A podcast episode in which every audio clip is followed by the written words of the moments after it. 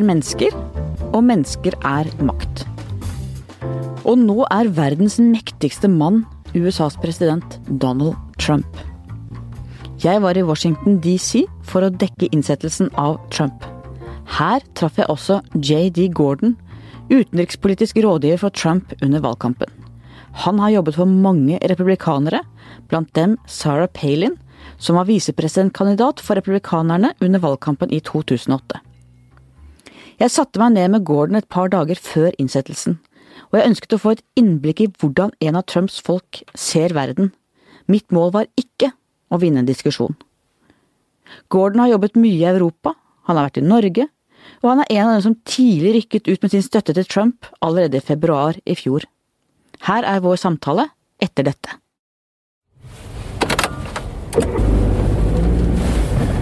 Jeg hører på lydbok eh, når jeg kjører bil. Nå skal jeg kjøre om ikke så lenge opp til eh, Lillehammer, så da, da får jeg vel med meg løsningen på Solguden på veien opp, tenker jeg. Når man sitter i bilkø inn til byen og på jobben og akkurat faglitteratur jeg driver med, så det er jo for å få tiden til å gå. Da er det utrolig praktisk at du bare har den med deg på jeg Storytel som app på iPhonen min, og da ligger den på der hele tiden. Så det er liksom bare én knapp, så fortsetter jeg der jeg var sist. Man er liksom vant til å streame alt mulig rart, så streame lydbok er jo helt perfekt. Veldig enkelt og greit.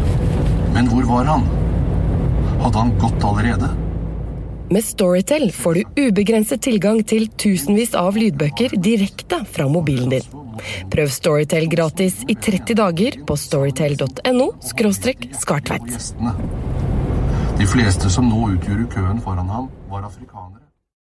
La oss nå høre på min samtale med JD Gordon, som jobbet som utenrikspolitisk rådgiver for Trump under valgkampen.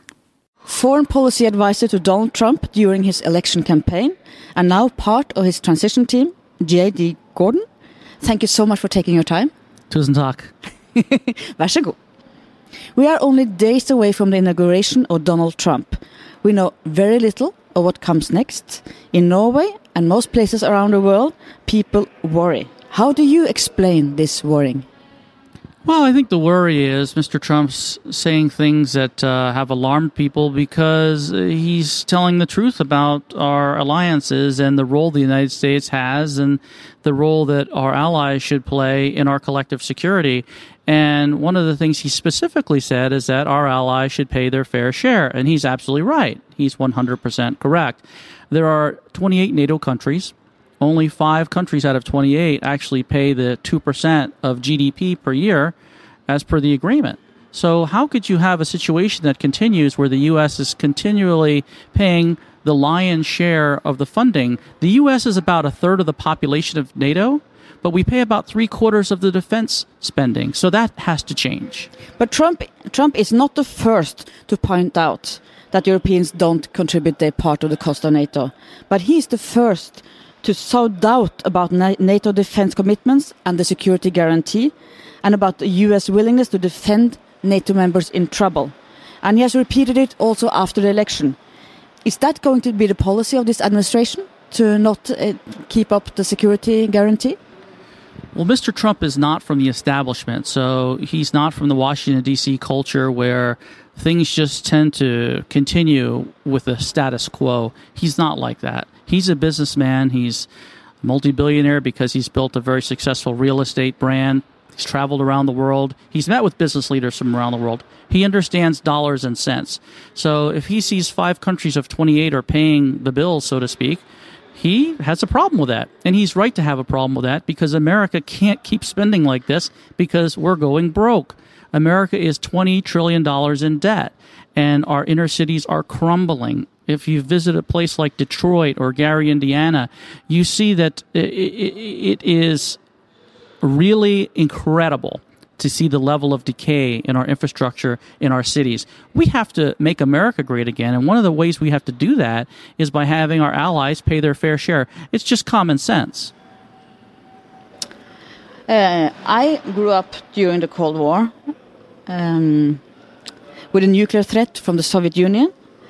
Uh, and then after the Soviet Union fell apart, and we thought that Russia, Russia would become like a Western democracy, and the threat was gone, and that we didn't need to worry anymore. That was what we thought. How do you view the threat from Russia towards its neighbors countries today? I think Russia's a threat. I think Russia's a threat to Europe and a threat to the United States. However, I would say these days I don't believe Russia is the top threat. Certainly, if you're Ukraine or Georgia, Russia's the top threat. Uh, if you're the Baltic nations, Russia would be the top threat. But for most of Europe and for the United States, I think the bigger threat is radical Islam, and that's a two headed threat. That's the Sunni jihadist terror groups, like we see striking continuously in places like France and Germany and Belgium, and it's getting worse in Turkey, for instance, as well. And the other side of that threat is a nuclear armed Iran, which is a terrorist regime. It's a Shia extremist regime. But both radical Islam from the Sunni jihadist terror groups and the Iranian regime, the Shia regime, are both more of a threat to us than Russia. So I think that Russia has a mutual threat, particularly from the Sunni jihadist terror groups, coming from places like Chechnya and Dagestan that I think the United States, Europe, and Russia should work more closely together on confronting the mutual threat. I also think that open borders is a big threat to Europe. The world is 7.3 billion people. The European Union and the United States is less than 1 billion. However, if we don't have secure borders, we could easily get a lot of the developing world into Europe and into the United States because we have great natural resources. We've built great societies with rule of law, good governance, and a lot of people from around the world want to come to Europe and the United States. You can't blame them. I would too. My grandparents, three of my grandparents came to the United States to seek a better life. From where? Well, different places. Um, one of my grandparents, my grandfather, was born in Bessarabia, which is Republic in, in the Russian Empire. Now that's Moldova. Uh, another one, my grandmother was born in Hawaii. Uh, she was Chinese ethnically, born in Hawaii, my mom's mom. Um, and then another one was born in, um, my grandmother's parents actually were born in uh, which was Poland. Now it's Ukraine. So I'm mostly European, but I have some Chinese uh, in me as well, ethnically. So I think uh, the United States was made with people coming to seek a better life, and I think that's great for the United States to be that way. Um, though I do think that we have a threat we didn't have before. When a lot of people compare the migrant crisis in Europe to the Holocaust and aiding victims of the Holocaust. Well, no, not really. I mean, you didn't have people coming into other countries with a, a, radical ideology that were committing mass acts of terrorism like you do now. So it's, it's a different thing. So you support Donald Trump's uh, effort to keep the Muslims out out of the United States?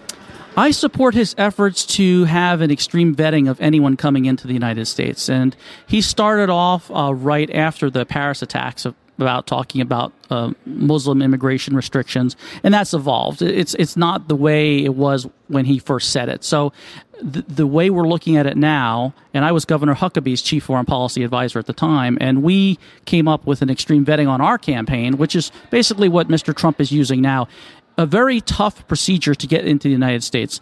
Just because you put in a visa application or you claim asylum status doesn't mean you should come into the United States. Before, well, I think we've been too soft on letting people in. For instance, the San Bernardino shooters killed 14 people.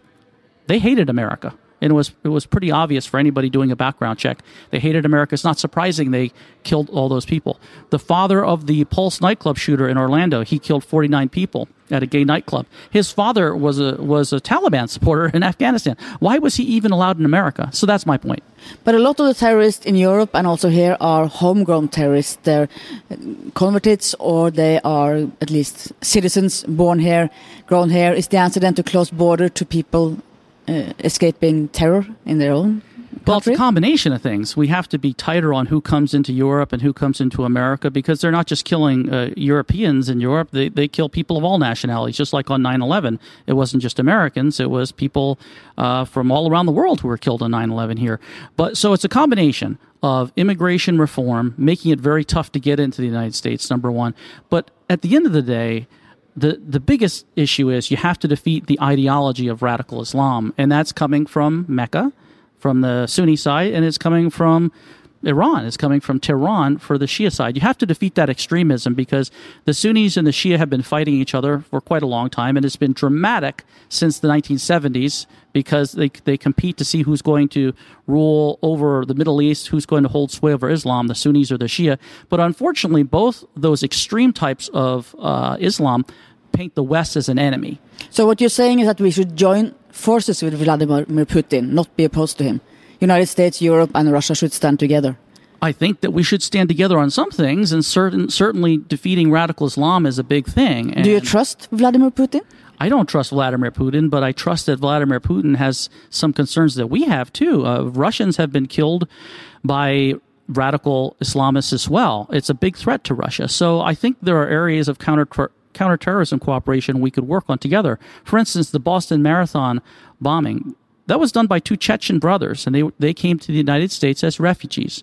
Um, and one of them was radicalized. He went to Dagestan, which is in Russia. It's a it's a Russian republic in the south in the Caucasus. He came back and he radicalized his younger brother.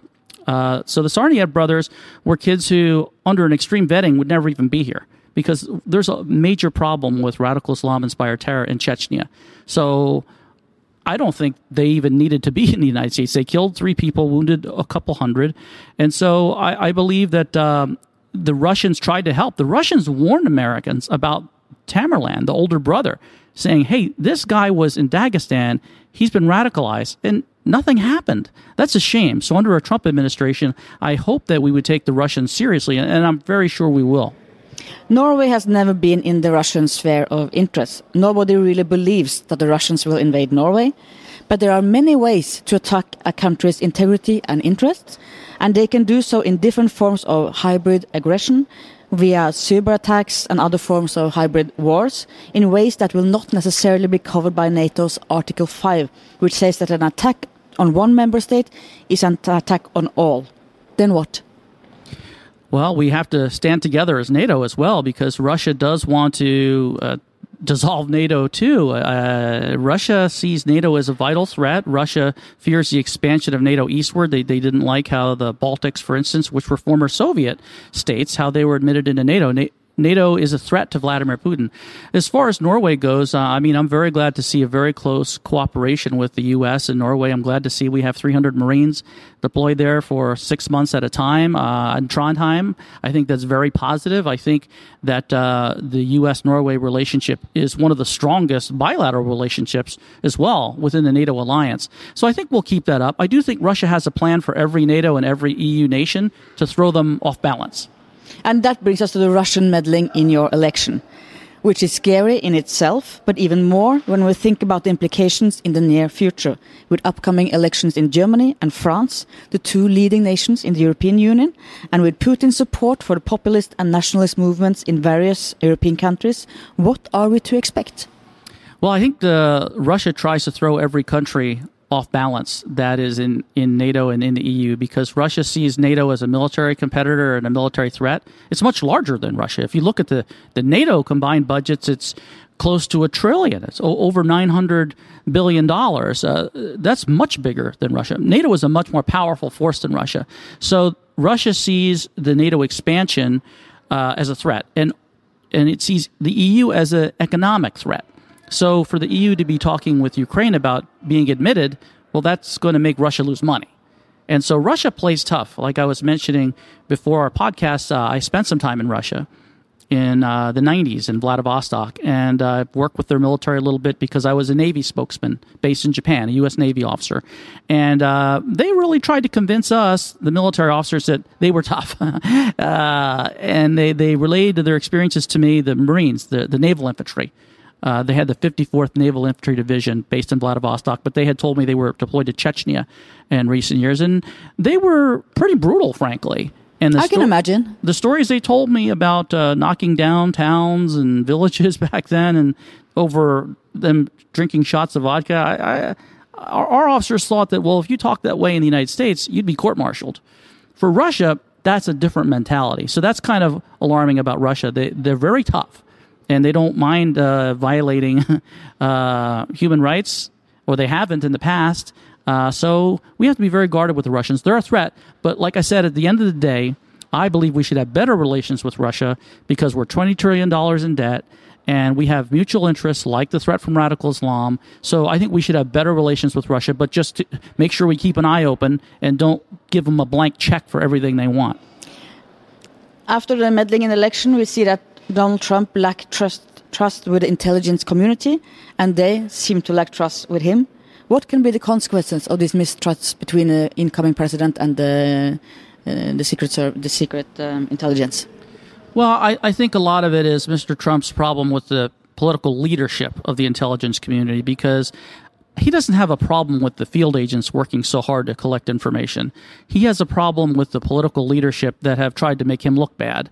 And so I think it's going to be fine. I, I think a lot of reports tend to get overblown. He says one thing via Twitter or at a press conference and, and people panic, but I think a lot of that's overblown. He'll be just fine. Once we have Republican political leadership, he'll be able to con- control the intelligence agencies as far as what they do. So I, I think we'll be just fine. When we talk about that uh, press conference, I must say that was a little bit crazy. Uh, the way he was uh, rattling along and punishing CNN, and um, I never seen any American president behave like that at the press conference. Well, we've never had a president like Mr. Trump. No, that's true. right? I mean, across the board. Yeah. So, so uh, get ready for a, a, rocky road in many ways because he is not uh, an establishment politician. But I do say that. Um, that Barack Obama was elected too. And Barack Obama was a guy who we never had a president quite like that either. He came out of nowhere. People didn't know much about him. He was in the Senate for his first term in just a few years, and he usually voted present, which means I'm here. And he didn't vote yes or no because he didn't want to make anybody mad. So I tell my friends in the press that look, a country that can elect Barack Obama can easily elect a Mr. Trump. And he's been a successful businessman and a reality TV star for decades, and he's not politically correct. So expect uh, a different type of president. We do. You were one of those who endorsed him at a quite early stage. Why? Well, I endorsed him because um, I was Governor Huckabee's chief foreign policy advisor, and they were friends on the campaign trail. And uh, I believe in a lot of the things Mr. Trump says. Uh, he, he um, speaks truth to power. He speaks uh, to Americans in terms that we can all understand it, that makes sense. We should make America great again. We have a major threat from radical Islam, which is obvious, but the political establishment in Washington often doesn't want to say that because, well, there's a lot of lobbying here from big money from the Middle East, big money in think tanks, at universities, at media. So you don't dare say anything about radical Islam because your source of funding will be cut off. Uh, and then if you do say anything, you'll be called a, a racist Islamophobe, which is horrific. Um, Hillary Clinton called half of Trump supporters a basket of deplorables. Basically, she said they were Islamophobic, racist, sexist, homophobic. It's horrible. She basically called a quarter of the country that. She probably. I think that was her biggest mistake during the election campaign to talk about this basket of deplorables. That might cost her the election. Me too. What do you think? Me too. I think it made a, a, big difference because people that just want to bring jobs back to America, we've lost 4 million jobs since China joined the World Trade Organization uh, in 2001. And so a lot of people are hurting, they're out of work. And then a lot of people don't like to see these extremist groups like Black Lives Matter, for instance, and have all these riots throughout the country. We've had a lot of uh, uh, U.S. police officers killed uh, and targeted because of the rhetoric, extreme rhetoric from the far left. So to call a person a racist just because they have an opinion about, well, I don't agree with this, is pretty horrific. And it, it causes people in the middle to say, okay, well, I'll, I'll be with them if you're going to call names. So name calling is very bad. And it's very polarized. I've never seen American politics this polarized. I used to live here for some years who is the most to blame for this polarization? I guess you will say the Democrats, they will say the Republicans, but I mean, really, it's so divided this country now. I'd say special interests because what happens is you have organizations that profit from this. Unfortunately, uh, they give money to politicians, they raise money off it. So, what kind of organizations? What kind of interests? Well, say say ones that support Black Lives Matter, for instance, w- which is a movement because uh, there has been uh, there have been incidents of police clashing with people in around inner cities in the United States. It's and been quite brutal. Some of those videos with police officers shooting young men yes. in the back when they run away. That's um, there have been some problems, but the big problem with policing there is we have desperate poverty and the poverty and social programs uh, have have not help the United States, where we have generations of of young men without families, without fathers around, because basically there's no incentive for fathers. If, if you have been in uh, the cities in the United States, or if, you, if you're poor uh, and you're a single mother, you can keep having children and you will get more money because of the way the social programs are organized. So what happens is then you end up having people with five or six kids. There, there's a single mom in the home Um, there's no role models. There's less jobs because a lot of our manufacturing jobs went overseas to China and Mexico. A lot of automation through factories, automation in factories has taken people's jobs. So what's attractive? People want to be rich. They want to have a nice car, a nice girlfriend. So what do they do? They get into drugs and gangs. When they get in drugs and gangs, there's a lot of violence and they're killing each other. A lot of people have guns. So then the police are just trying to protect law and order. And then they get caught up in, in fear sometimes. And some, some bad, bad police officers, very, very few, but in some bad instances, they've been put on video. They've been blown out of proportion. There have been lies told also about the one Michael Brown, which is a, a young man who was who held up a convenience store beat up the guy who was running it. Then he was basically shot and killed later by a police officer. And his his friend said that Michael Brown had said, "Hands up, don't shoot." And that's actually not true. The an investigation showed that that was actually not done, and that he was trying to to uh, assault. He was assaulting and beating the police officer. He was much bigger than that police officer. The police officer shot him and killed him. But this spawned this whole legend about hands up, don't shoot. Even NFL, National Football League players were saying hands up, don't shoot, and putting their hands up. And it was just based on a lie. So anyway, what happens is special interest groups capitalize on that and say, "Stop this madness! Send you our send checks and, and money orders to us. We'll solve all the racial problems." And they, they get rich off of it. And National Rifle Association on the other side, putting out the money. I mean, the money is everywhere. The money is everywhere. How would you describe Donald Trump's qualifications as president? His good and his bad sides, the way you see it. Well, I think he's very qualified in the sense that he understands dollars and cents. He understands toughness. Uh, he's been a tough business leader to get the, the best deal. He doesn't believe in getting um, uh, getting ripped off. He doesn't believe in giving anything away, and so he he'll be very tough. I think as far as pursu- pursuing good trade deals. I think he's very good in that sense. I think he's more qualified, to be honest with you, than President Obama was. President Obama was a young guy in his 40s, never really done anything except being a community organizer and being a very skillful politician. So he really came out of nowhere, was a state senator for a few years, then a U.S. senator a few years. Next thing you know, he's president. Uh, so, he, but he was a senator, and so that does give him some qualifications to be president.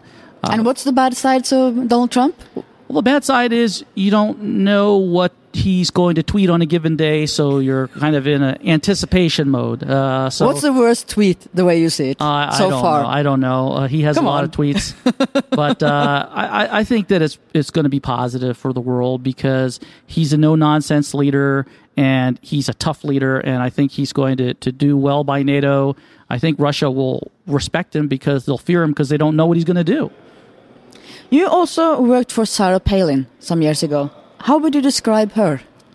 Uh, she was very nice to work with. Um, I helped uh, her with a speaking tour back in 2010, and uh, she was one of the most popular figures in the United States at the time. So I, I had a very uh, cordial, collegial relationship with her, and uh, think she's doing great things as far as speaking truth to power and talking about common sense when often common sense is in short supply in Washington.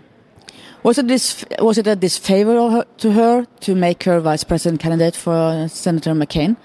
Well, Senator McCain was trying to compete with the star power of Barack Obama because Barack Obama came out of nowhere, really, but the American people really fell in love with him, and he was a star. He was a, political celebrity. And by the way, that's all it takes to be the president to be a, is to be a political celebrity. All you have to do is get the most votes. That's why there were about two dozen candidates this time, but people that were senators and governors all fell away because they just didn't have that um, factor that got the most amount of people excited. So Senator McCain was trying to balance that out. He didn't know Governor Palin very well. She was the governor of Alaska, which is geographically very big, but the population is very small. Very close to Russia. Very close to Russia. It is close to Russia.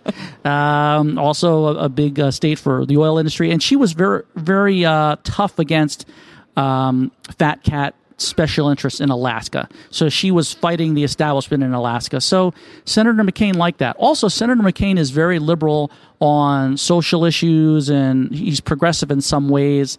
He he was very tough on Guantanamo, for instance. Tough against Guantanamo, I'm talking about. So a lot of people question him about is he really conservative or not?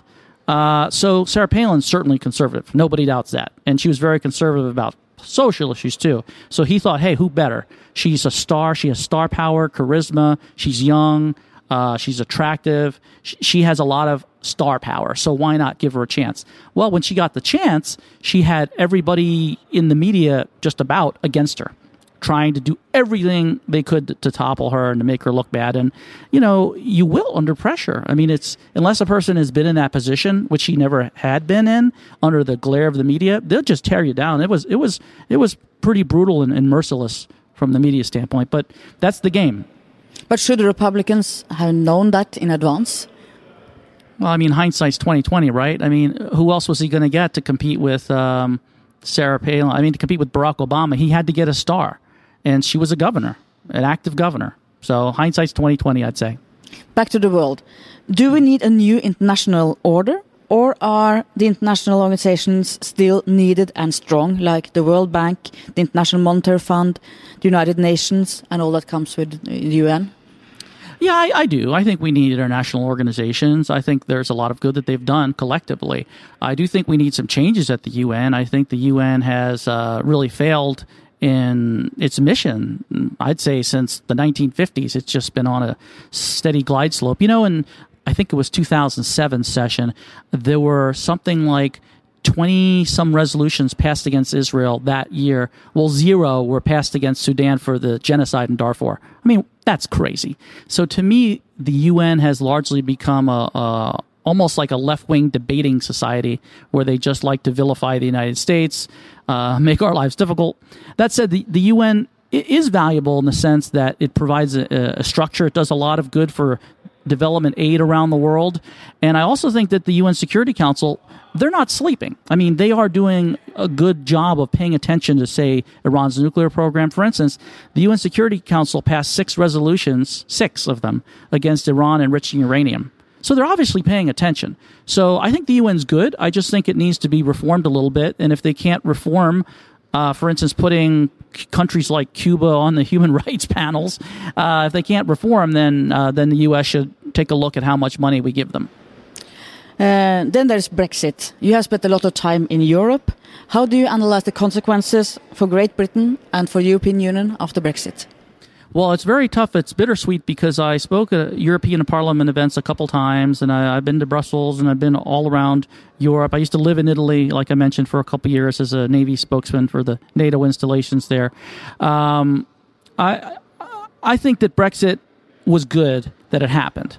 And I upset a lot of my friends in Europe by saying that, but I think that the EU just pushed them too far as far as taking away their sovereignty. And I think one of the things that sticks out to me, and I just got back from two weeks in Hungary, Slovakia, and Finland, where I met with uh, some cabinet members. And the thing that really strikes me is that how much weight and power Germany and France have in the European Union of the 28 countries to really push the other ones around since they pull the, the purse strings and they can really push other ones around. And I think that refugee resettlement was pretty awful because to resettle people by population, and they, they don't want to stay in the, the smaller countries anyway that are less economically well off. They would just go back to Germany anyway. So I think that Chancellor Merkel made a very big mistake in saying the refugees are, are welcome and can come, and, and now they're trying to come to grips with that. Over one million people have come in.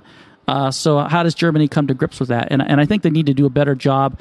One of the main takeaways I got from my trip to Europe just last month was that I believe there's a vacuum of ideas and thoughts in Germany and France. There's no real conservative uh, think tanks, conservative media like we have in America. So there's a, a balance of ideas. In Germany and France, people just get pretty much a progressive left wing view. And that left wing view says, hey, if you question the migrants, well, you're just Islamophobic and a racist. That's very unhealthy. And so what you're seeing is a counter reaction to that. And I think Brexit was part of that counter reaction to too much, uh, too much leftist mentality and thought that has to be challenged. We're in a transition towards the new administration. Uh, do you know anything about your future role in that administration yet? No, I don't. I don't. Uh, what do you hope for? Well, we'll see. We'll see. Whatever the administration thinks is uh, suitable for me and is a good fit, we'll see if it happens. I may go in the administration. I may not. We'll, we'll see what uh, what happens. Towards the end of our conversation, what can you say to calm down worried Norwegians?